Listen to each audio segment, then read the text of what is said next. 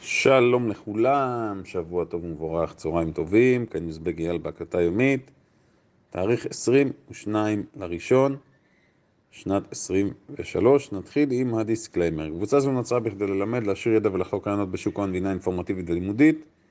כל העושה שימוש בתכנים המועלים בקבוצה זו, עושה זאת על דעת עצמו ואחריותו הבלעדית. חל איסור מוחלט לשווק, לפרסם או להציע הצעות מסוג זה לחברי הקבוצה. היום אנחנו בהקלטה פתוחה לכל הקבוצות. אז באופן טבעי גם אני אנסה, אני אנסה ליישר קו. ראשית, מבחינת מה שקורה בשוק עצמו, כפי שאנחנו חוזרים ואומרים, התנודתיות כאן כדי להישאר. קיבלנו, שוב, את ה... נקרא לזה המנה הרגילה. השוק מסיים את השבוע בעלייה חדה מאוד. האם ישנה איזושהי סיבה מובנת, משהו מהותי השתנה, להבנתנו לפחות ממש לא. גם ההפחדות מכך שתקרת החוב פעם נוספת, בכל פעם, בכל uh, פעם שמגיעים למועד של הגדלת תקרת החוב בארצות הברית, יש הפחדות, אבל אלה אירועים שיכולים להיות אירועי מסחר נקודתיים. מה אנחנו חושבים? שהממשל uh, ייתן לה... הסיפור הזה, מה שנקרא, להקריס את הבורסה, אז זה ברור שלא. אז לכן אני לא מתרגש מאירועים כאלה, הם יכולים להיות אירועי מסחר נקודתיים ותו לא. מבחינת הגרף השבועי ב-QQQ, הנסדק מסיים ירוק, כמעט מסיים בגבוה, אני אגיד, אני אומר כמעט, לא רחוק, כי הגבוה היה 284 דולר ו-69 סנט, ובפועל הגענו פה ל-283, שימו לב שוב, לרמת הפיבוט החשובה הזו של אזור ה-280-282. כתבנו בשבוע שעבר שזה משעשע אותנו פלוס פלוס המשחק סביב הרמה הזו, ושוב אנחנו עוברים ממצב של דיפרסיה, אנחנו עוברים למצב של, אני לא יודע אם מניה, אבל התלהבות קיימת פה. שני מושגים שהזכרתי בהודעה, אחד זה פומו והשני זה יולו. אז הפורמו זה fear of missing opportunity, וזה בכל פעם כשיש או ישנו איזשהו סימן לתחילת עלייה או ריצה מסוימת, רוב הסוחרים משקיעים שלא נמצאים בשוק מרגישים את אותו פספוס ורוצים מה שנקרא לבצע איזשהו פיצוי ובדרך כלל יבצעו כניסות או החלטות פחות טובות וזה דבר שחוזר על עצמו, אנחנו שמנו לעצמנו מטרה מאוד פשוטה להתמודד עם זה, וכמשקיעים ארוכי טווח הגדרנו שחשיפה של עד 50% להבנתנו ברכיב המנייתי, היא פותרת לנו את הבעיה הזו, כפי שכבר הסברנו לא פעם, וזה מוכיח את עצמו בכל פעם מחדש. הסיפור השני, המושג השני של היולו, you only live once. תראו, אני מציין את זה כי בעולם הנוכחי, שהנוכחות במדיה של כולנו, מי יותר מי פחות, אגב גם על זה תכף אני אתייחס, לסיפור של ההתמכרות לרשתות החברתיות, זה לא משהו שהוא מומצא. מדובר בעניין של הורמונים במוח, הרשתות החברתיות יודעות לשחק לנו על נושא הדופמין במוח, עוד מעט נדבר על זה. אז התחושה הזאת היא, ש... לא, לא תחושה יותר נכון, אלא המצב שאנחנו אומרים לעצמנו חיים פעם אחת. וחיים פעם אחת זה סוג של תירוץ, אני לא אומר שזה לא נכון לפעמים, אבל רוב הפעמים בעיניי לפחות זה סוג של תירוץ להצדיק פעולות שבמצב אחר לא בטוח שהייתי נוקט בהן ולא בטוח שהייתי פועל בצורה כזו. זאת אומרת, אם אני אומר לעצמי, יאללה, כל החברים שלי נוסעים עכשיו, טסים לגלוש בקוסטה ריקה. אני גם רוצה להצטרף, חיים פעם אחת. יש לי איך לממן את זה? בעבודה יאפשרו לי עכשיו להיעדר חודש? לא, עזוב, אח שלי, הכל טוב, בוא נעשה את זה. עכשיו, זה נכון בהרבה מאוד מקרים, אגב, לדעתי גם, זה בין היתר היה מהגורמים העיקריים שגרם לטרפת של הקריפטו, תכף נדבר גם על מה שקורה בקריפטו. בקיצור, אני, יש לי משפט אחר שאני מאמין בו בחיים, ואגב, אני לא יודע, אולי אני אפתיע אתכם, אני בעד אימפולסיביות בחיים, אבל בתחומים מסוימים. בטח לא במסחר, אוקיי? ובטח לא שזה קשור לניהול והתנהלות פיננסית נכונה. כי בסופו של דבר ההחלטות שאנחנו מקבלים הרבה פעמים, יש בהם רכיב שהוא רציונלי ויש רכיב שהוא אמוציונלי, והקטע האימפולסיבי, גם הוא בא לענות על צרכים מסוימים שלנו, וזה בסדר, זה טבעי בעיניי. אני מקבל את זה, אגב, באהבה. אני חוזר לסיפור של הפספוס הזה, שאני חי פעם אחת, אז אני לא רוצה להחמיץ משהו. אז המשפט הנגדי שלי, או המוטו שלי, הוא לא בדיוק נגדי, אלא המוטו שלי בחיים, מישהו צריך לשלם את החשבון. מישהו צריך לשלם את החשבון מבחינתי, זה אומר, לא משנה מתי, לא משנה איפה, לא משנה מה נגיד לעצמנו. בסוף מגישים לנו את החשבון. אני תמיד, כשאני מדבר על זה, נותן דוגמה, נשב עכשיו כולנו במסעדה, כל החברים בקבוצה, נשב בשולחן, כולם מזמינים, כולם מבסוטים, כולם חוגגים, מגיעים לשלב החשבון, המלצר מגיש את החשבון, יכול להיות שמישהו באותו רגע ייעלם, יכול להיות שמישהי אחרת תגיד שהיא שכחה את הארנק, יכול להיות שמישהו יציע לשלם בעצמו, יכול להיות שתוצא חלוקה. בכל מקרה, מישהו צריך לשלם את החשבון. וברגע הזה, כשמישהו צריך לשלם את החשבון, אני אומר, פה אתה לא יכול לברוח. אי אפשר לברוח מלהתעמת עם המציאות. מתי אני מסביר ו- ומתייחס לזה? גם בהקשר של אותם חברים שחושבים שחשבון המסחר שלהם הוא לא באמת חשבון של כסף, אלא זה משחק, עולה, יורד, אדום, ירוק. לא, זה לא עולה, יורד, אדום, ירוק, זה כסף. אין דבר כזה הפסדים על הנייר. אני לא מכיר את הדברים האלה. ולכן אני אומר, מישהו צריך לשלם את החשבון. אפשר למצוא את הנתיב שמגשר. כל עוד, זה לשיטתי, כל עוד שאני מתנהל בצורה כלכלית, פיננסית נכונה, אני יכול לתכנן את עצמי קדימה. אז זה בסדר אם אני אחמיץ אירוע, שניים, שלושה, אבל אני אחסוך לאירועים הבאים, בעיניי זו ההתנהלות הנכונה, לשלם מראש. יש יוצא מן הכלל אחד, יש יותר, אבל יוצא מן הכלל אחד משמעותי, אה, ואי אפשר שלא לדבר עליו, כי אנחנו מתעסקים עכשיו בתקופה שהנדל"ן עולה לכותרות, הפעם מכיוונים אחרים, לא של טירוף מחירים, אלא דווקא מהכיוון של הלחץ שיש מצד המוכרים אולי. אז בנדל"ן באמת, היות והעסקאות בדרך כלל תהיינה עסקאות של שימוש באשראי ומינוף, אז בנדל"ן הסיפור באמת שונה. אז פה אנחנו חייבים לשים את זה ולהתייחס לנקודה הזו. חייבים להבין, האטמוספירה הכללית כרגע, בכל מה שקשור לנדל"ן, מצביעה על התקררות. פעם אחת, וזה הסיפור בעיניי הגדול לפחות, הנושא של המשקיעים, שאין היגיון כיום להשקיע בנדל"ן בארץ. אני מדבר שוב, ואני מדגיש, השקעות שאני קורא לזה אה, לוח יד שתיים.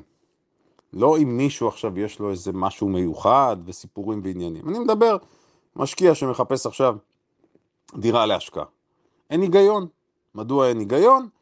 הריבית עלתה, אפרופו אני רוצה לומר משהו, להבנתנו, גם בישראל וגם בארצות הברית, בחודש פברואר, אנחנו נראה העלאה של רבע אחוז. אז בישראל נעלה לארבעה אחוזים, ובארצות הברית כנראה לחמישה אחוזים, זה מה שאנחנו מבינים לפחות. אה, כמה זמן זה יחזיק מעמד זו שאלה טובה, אגב, משקיעי הנדל"ן צריכים לשאול את עצמם כמה זמן זה יחזיק מעמד. היום היו לי שלוש שיחות בנושא הזה עם חברים מהקבוצות, וכל אחד צריך לתת את ההערכה שלו. בכל מקרה, בתנאי הריבית הנוכחיים אין היגיון להשקיע בנדל"ן. תוסיפו לזה את המיסוי על המשקיעים וכולי, זה פשוט מוציא את זה מהמשוואה. בוודאי כשיש לנו אלטרנטיבות הרבה יותר טובות, פלוס מי שבונה על עליית ערך לא מציאותי בעיניי כרגע. שוב, אני מדבר בחתך רוחב, בממוצע, לא שאיזה דירה מסוימת או איזושהי עסקה מסוימת. באופן כללי, אמורה להגיע ירידת מחירים. הזכרנו את מה שקרה בשוודיה, שבשוודיה אנחנו חווים ירידת מחיר אגרסיבית. גם צריך להיות אובייקטיביים. עליות המחיר שהיו פה בשנה האחרונה, 20, 20 וקצת אחוזים, זה משהו שהיה במקומות נוספים בעולם, ובמקומות אחרים אנחנו רואים שהעלייה מתקזזת די מהר. בישראל אני לא מאמין שנראה כזו ירידה חדה, כן מאמין שתהיה ירידה. עכשיו, בכובע שלי, של אייל הסוחר והמשקיע, כשדיברתי עם חברים בשנה האחרונה, אמרתי להם, תראו, מי שמחזיק בבעלותו דירה ומחפש מה שנקרא תמיד דברים חדשים, ומבין שתשואה של 2.5-3 אחוזים, לפעמים אפילו 2 אחוזים, לא מספקת אותו, וכבר הרוויח בצורה משמעותית מאוד על הדירה שהוא קנה, אז בעיניי יש היגיון למכור. וגם העצה שלי הייתה, אין בעיה לבקש מחיר שוק או מחיר גבוה ממחיר שוק. מקסימום, אני תמיד אומר, מקסימום זה יצליח. אז עכשיו המגמה היא מאוד ברורה, כי, ואגב, אפרופו מה שחברים העלו, ומה שאני שלחתי לכם היום, שלחו לי, שלח לי את זה אחד מהחברים בקבוצות, על אותה דירה בהרצליה. עכשיו, כל מי שקופץ ואומר, מה, חמישה מיליון שקלים לדירה? חברים יקרים, אני לא יודע אם אני מחדש לכם או לא. באזור המרכז, חמישה מיליון שקלים, זה לא מחיר שאתה נופל מהכיסא. הסיפור השתנה פה. הסיפור השתנה פה.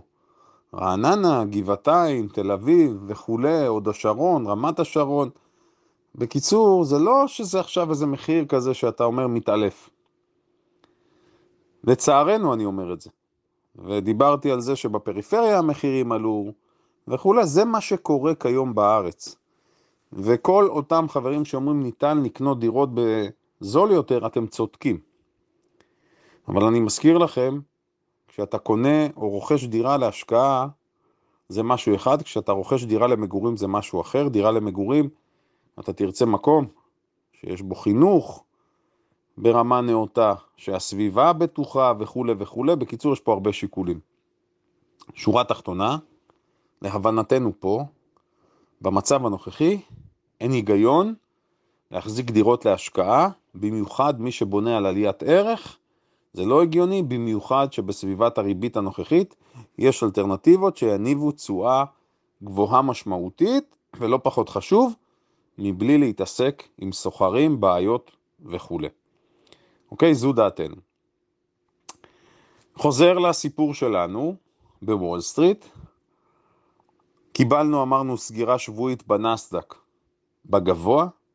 והדבר המעניין, ושלחתי לכם צירוף פה של uh, מחירי סגירה של ה-QQQ, של מניית בבא, נטפליקס ופייסבוק, מטא. מה אנחנו רואים בצורה מובהקת? ופה כל אחד שיקח את זה לאן שהוא רוצה. אנחנו נמצאים בעולם שמסביבנו, אנחנו שומעים, אי אפשר להכות את השוק, לאורך שנים זה בלתי אפשרי, אי אפשר לתזמן את השוק. מצטער, אני לא מאמין בדברים האלה. אני חושב הפוך, אני חושב שניתן לתזמן את השוק. ניתן בוודאות לתזמן מניות, וניתן להעריך מתי יש תקופה או ישנה תקופה שהיא מסוכנת להשקעה וצריך לגדר או להפחית חשיפה וכולי, זו דעתי, כל אחד שעושה מה שהוא רוצה. שלוש המניות המדוברות עלו בצורה מאוד חזקה. אה, נטפליקס, סליחה, יכול להיות שבלבלתי ואמרתי לפני זה סימול אחר. תנו לי לראות רגע. כן, יש לנו פייסבוק, נטפליקס ובאבא, נכון? כן. אוקיי, אז אולי בלבלתי סימבול נוסף אחר. בכל מקרה, עליבאבא עולה יותר מ-100%, נטפלקס עולה יותר מ-100% ופייסבוק עולה יותר מ-50% מהתחתית, בזמן שהשוק עצמו, הנסדק, עלה 10%. אלה מניות שדיברנו עליהן כרעיונות השקעה, ונשאלת השאלה, מה צריך לעשות עכשיו? אם אני בפנים, מה אני צריך לעשות? האם זה אומר שאני צריך לקחת את הרווח ולברוח? האם אני צריך להישאר? אז קודם כל, התשובה שלנו תהיה אחידה. עדיף להיצמד לתוכנית העבודה. דיברנו בשבוע שעבר ולפני כן גם על היעדים. אני מזכיר לכם, אנחנו דיברנו על יעד של 140 לפייסבוק. ועוד בדרך, כשהייתה ב-120, אני יודע שישנם חברים שמימשו, אבל המוטו שלנו בדרך כלל, כן? המוטו שלנו בדרך כלל יהיה אחיד. אנחנו, אם נכנסים לעסקה אגרסיבית, הרווח צריך להיות בהתאם. התשואה צריכה להיות בהתאם, ולכן אמרנו, אנחנו מחכים ליעד שקבענו. עכשיו, מי ששואל את עצמו, מפה מה אני עושה? תזכרו שעונת הדוחות לפנינו. אז עברנו את הדוח של נטפליקס, שבסופו של דבר היא קיבלה סגירה חיובית, 8 אחוזים, מה שנותן לה כוח להמשך. אבל, ותזכרו את האבל, יש לה עוד לאן לעלות, אבל כרגע מבחינת התזמון של העסקה, להיכנס עכשיו בגישה שלנו בתור סוחרי סווינג זה לא חכם, ומי שנמצא בפנים כן יכול לתת מרווח מסוים, אבל כן לקבע רווח גם. זאת אומרת, עסקה שעבדה כל כך יפה ועלתה כל כך חזק, ואני מזכיר לכם את ההערה ואת הדיאלוג שהיה לי עם אחת התלמידות, שאמרה לי, תקשיבי, אז זיהיתי שנטפליקס נסחרת באיזושהי תעלה של 330 זה גבול עליון שלה, וכשהיא הגיעה לשם, חוץ מלמכור, גם חשבתי שאולי אפשר להיכנס לשורט. הוכיח את עצמו כי ירדה ל-273 דולרים, אבל אנחנו כעיקרון מעדיפים תמיד לסחור עם המגמה. והמגמה שלה היא לונג, ובאמת הערכנו לפני הדוח שסביר שמבחינת המשתמשים היא תצליח לחזור לקצב צמיחה, וזה מה שקרה. שורה תחתונה, בעסקה מהסוג הזה אפשר לקבע רווח, כלומר לממש כמות מסוימת, ומי שמאמין שיש עוד בשר, יכול להשאיר חלק מסוים ולתת את זה להתגלגל. פייסבוק, אגב, לדעתי גם היא בדוח הקרוב. אני מניח שהדוח שלה יהיה חיובי, זו הערכה שלי. אה, על מה אני מבסס את זה? המניה נענשה בצורה קשה מאוד. אנחנו ראינו את גל הפיטורים, אנחנו מבינים שגם בפייסבוק כבר יודעים שאי אפשר לנוח ולחשוב שכל הדברים יסתדרו מאליהם, היא נמצאת תחת מה שנקרא אה, העין הבוחנת של המשקיעים. אממה, בפייסבוק, למרות שאני חושב שהדוח שלה יהיה חיובי, מבחינת התחזיות קדימה, יש איזשהו סימן שאלה שקשור לרגולטור. אני לא יודע אם אתם מודעים, אבל גם בארץ לא מזמן הייתה פסיקה שקשורה לסיפור של וואטסאפ. אם אתם תנסו ליצור קשר עם פייסבוק, אה, מאוד קשה. והמדיניות של פייסבוק היא מדיניות שאני, אם אני הייתי רגולטור, אני הייתי דורש ממנה לשינוי מיידי, כי היא למעשה מתנערת. היא יכולה לחסום את הפרופילים, בעבר היה סיפור שהיא חוסמת פרופילים, היה סיפור עם וואטסאפ שהיא פגעה בעסקים עכשיו, ודרשו ממנה, היא הפסידה במשפט, דרשו ממנה לספק את הכתובת שלה בארץ, כי גם מזה היא ניסתה להתנער. בקיצור, יש פה איזושהי עננה רגולטורית, להבנתי אני אומר, אוקיי? אה, כדאי לכם לחפש, זה מעניין, כי בזמנו היא סגרה את הדפים וגם הפסיקה האחרונה שקשורה למה שהיה בפייסבוק, אה, בוואטסאפ סליחה, היא פשוט אה, לא נותנת כתובת. זה קשור גם לענייני מיסוי וכולי, אבל היא מנסה להתנער, וזה סיפור שמעצבן הרבה מאוד אנשים, מעצבן הרבה מאוד מדינות, ויכול לצוף. אבל מבחינה עסקית אני חושב שהיא כן תציג דוח חיובי. לגבי בבא אני רוצה להזכיר שני דברים חשובים. אחד, היא הגיעה ליעד. שתיים, הרגולטור הסיני ירד ממנה, וזה דבר חשוב מאוד. והסיפור של אנט קופ, ההנפקה, שיכול להיות שתצא לפועל, אז יש פה דברים חיוביים, אבל אני מזכיר במאמר מוסגר, עדיין אנחנו לא יודעים לאן ילך הסיפור של הדי-ליסטינג. נכון שבארצות הברית אומרים שכרגע זה נראה שזה הולך לכיוון יותר טוב, אבל העננה הזו אף היא מרחפת, האם תישאר, או כמו שאר הסיניות, ולא uh, תימחקנה מהמסחר, או לא. אז זה עדיין על הפרק. מבחינת פעילות עסקית, אנחנו יודעים שהפעילות העסקית שלה כרגע לא הולמת את התמחור. אם היינו מתעלמים מהסיכון של ה delisting, אז אה, עליבאבא צריכה לעלות ולעלות חזק מאוד. אז לכן צריך לתת כן סיכוי לאיזשהו upside, אבל לקחת בחשבון שמבחינת המהלך היה פה מהלך של 100% וזה קרה מהר מאוד. עוד נקודה מעניינת שאני רוצה לדבר עליה, General Electric, GE, בעבר נחשבה במשך תקופה מסוימת, לא רק נחשבה, אלא באמת הייתה המניה בעלת שווי השוק הגבוה בארצות הברית ואולי בעולם כולו. מזכיר לכם, המניה היחידה ששרדה במדד הדאו ג'ונס מ-1896 וגם היא נגרעה לפני כמה שנים. שימו לב, היא ביצעה ריברס ספליט, ובדרך כלל אחרי שמניה מבצעת ריברס ספליט, אנחנו רואים דווקא נסיגה לאחור, ואני אצרף לכם את הגרף שלה, כי יש שם W פשוט מושלם. העוד W, התבנית של ה-W. אז היא ירדה ל-50, פעמיים, והיא חוזרת ותוקפת כלפי מעלה, אני אשלח לכם צילום, יהיה מעניין לראות כיצד היא תגיב בדוח הקרוב. עוד נקודה חשובה מאוד, אה, גוגל, שימו לב כיצד גוגל סיימה את יום המסחר בשישי, נגיעה מהמאה, האם זה בעקבות הפיטורין, האם זה בעקבות הסנטימנט החיובי בגורילות, אני חושב שזה גם וגם וגם. גוגל, כהשקעת טווח ארוך אמרנו, גוגל, אמזון בעינינו מניות מצוינות. עוד שני סיפורים מעניינים, וייפר, סימול W, גם היא מהאי-קומרס מודיעה על קיצוץ חזק מאוד בכוח האדם, נדמה לי 17 או 18 אחוז, אני אומר מהזיכרון כרגע, בתגובה המניה עולה 20 אחוזים.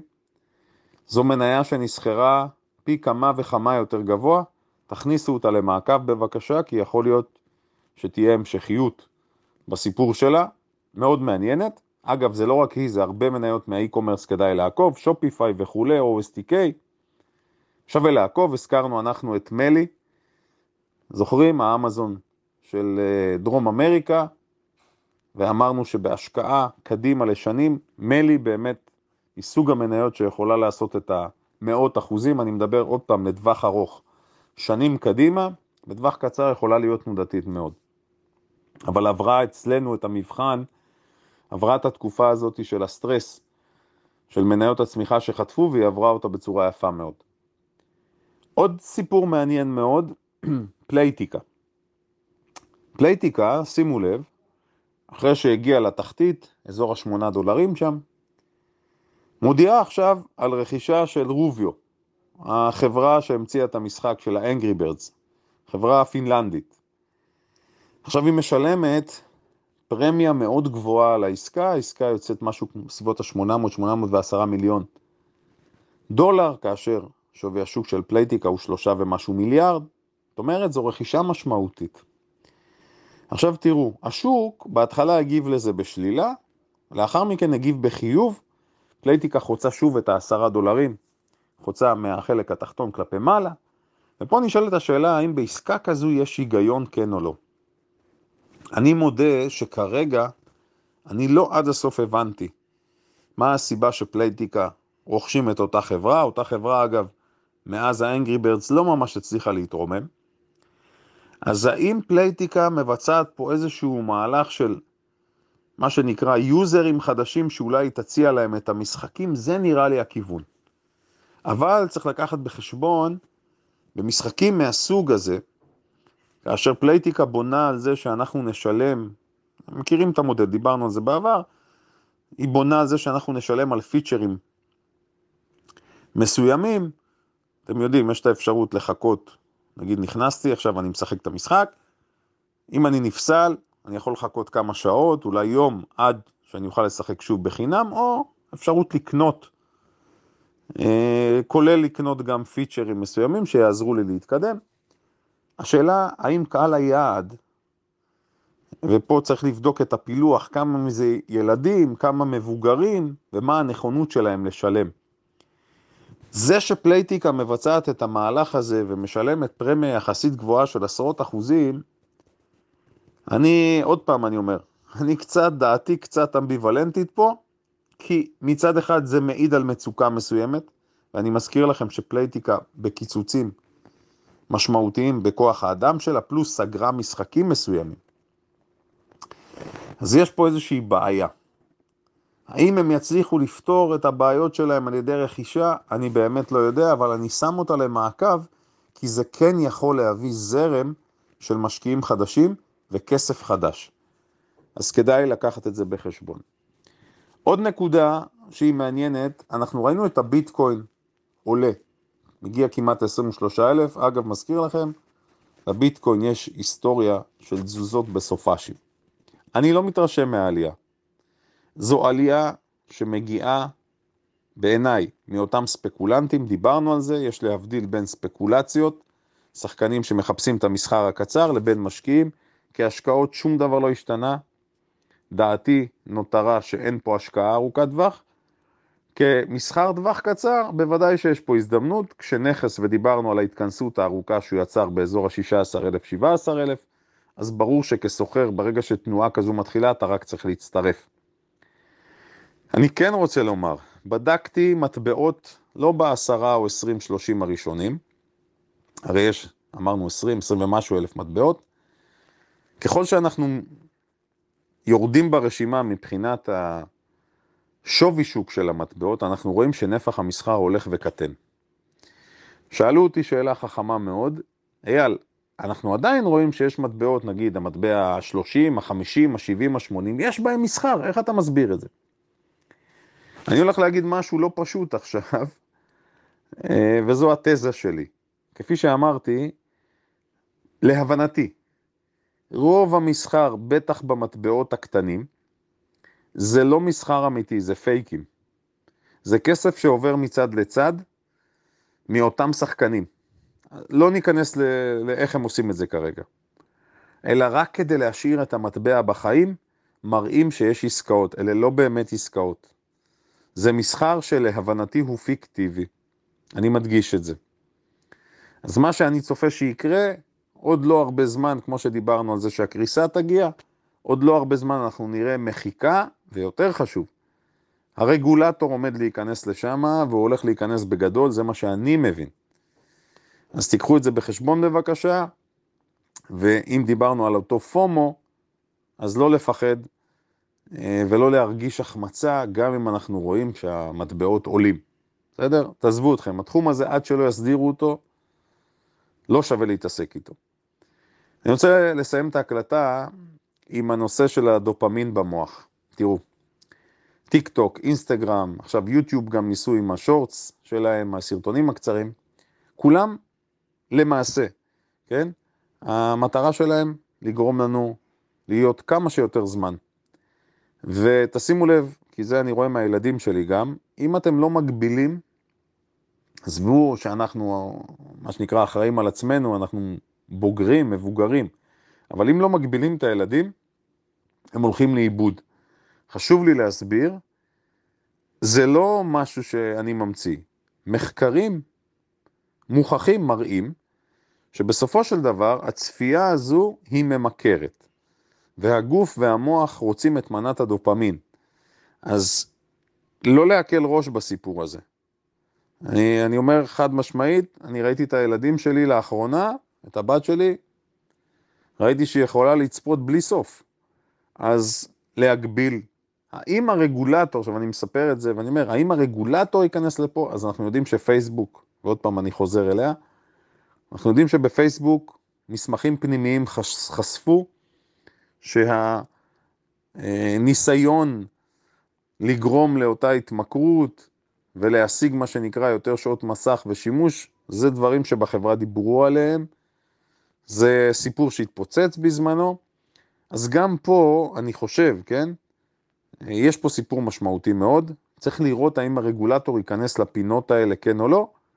ועוד משהו אני אגיד, הרגולטור בסופו של דבר, גם אני אגב, רוצה לספר לכם שבעקבות הצפייה שלי בסדרה על מיידוף, גיליתי כמה פרטים שלא ידעתי. הרגולטור, ופה אני חוזר לרגולטור, בהונאה של מיידוף, אחד הדברים המעניינים שהסק, אותו גוף שאחראי על הנושא הזה, ידע שמשהו קורה שם, פעמיים רצו לבדוק את מיידוף ופעמיים הוא יצא מזה. ולא רק שהוא יצא מזה, הוא גם השתמש בבדיקה שעשו לו כסוג של חותמת כשרות ואמר, מה אתם רוצים? אני, אני עברתי את הסק, אז הכל כשר אצלי. צריך להיזהר, ואני אגיד עוד משהו, אחד הדברים שגם לא ידעתי, הגוף שלצורך העניין אמור לבטח את הכספים, ה-SIPC, גם הוא מהסיפור של מיידוף לא יוצא טוב. אמנם רוב הכספים, עוד פעם, אני אגיד בזהירות, מספרים לנו שההונאה של מיידוף היא 60 ומשהו מיליארד, זה לא נכון.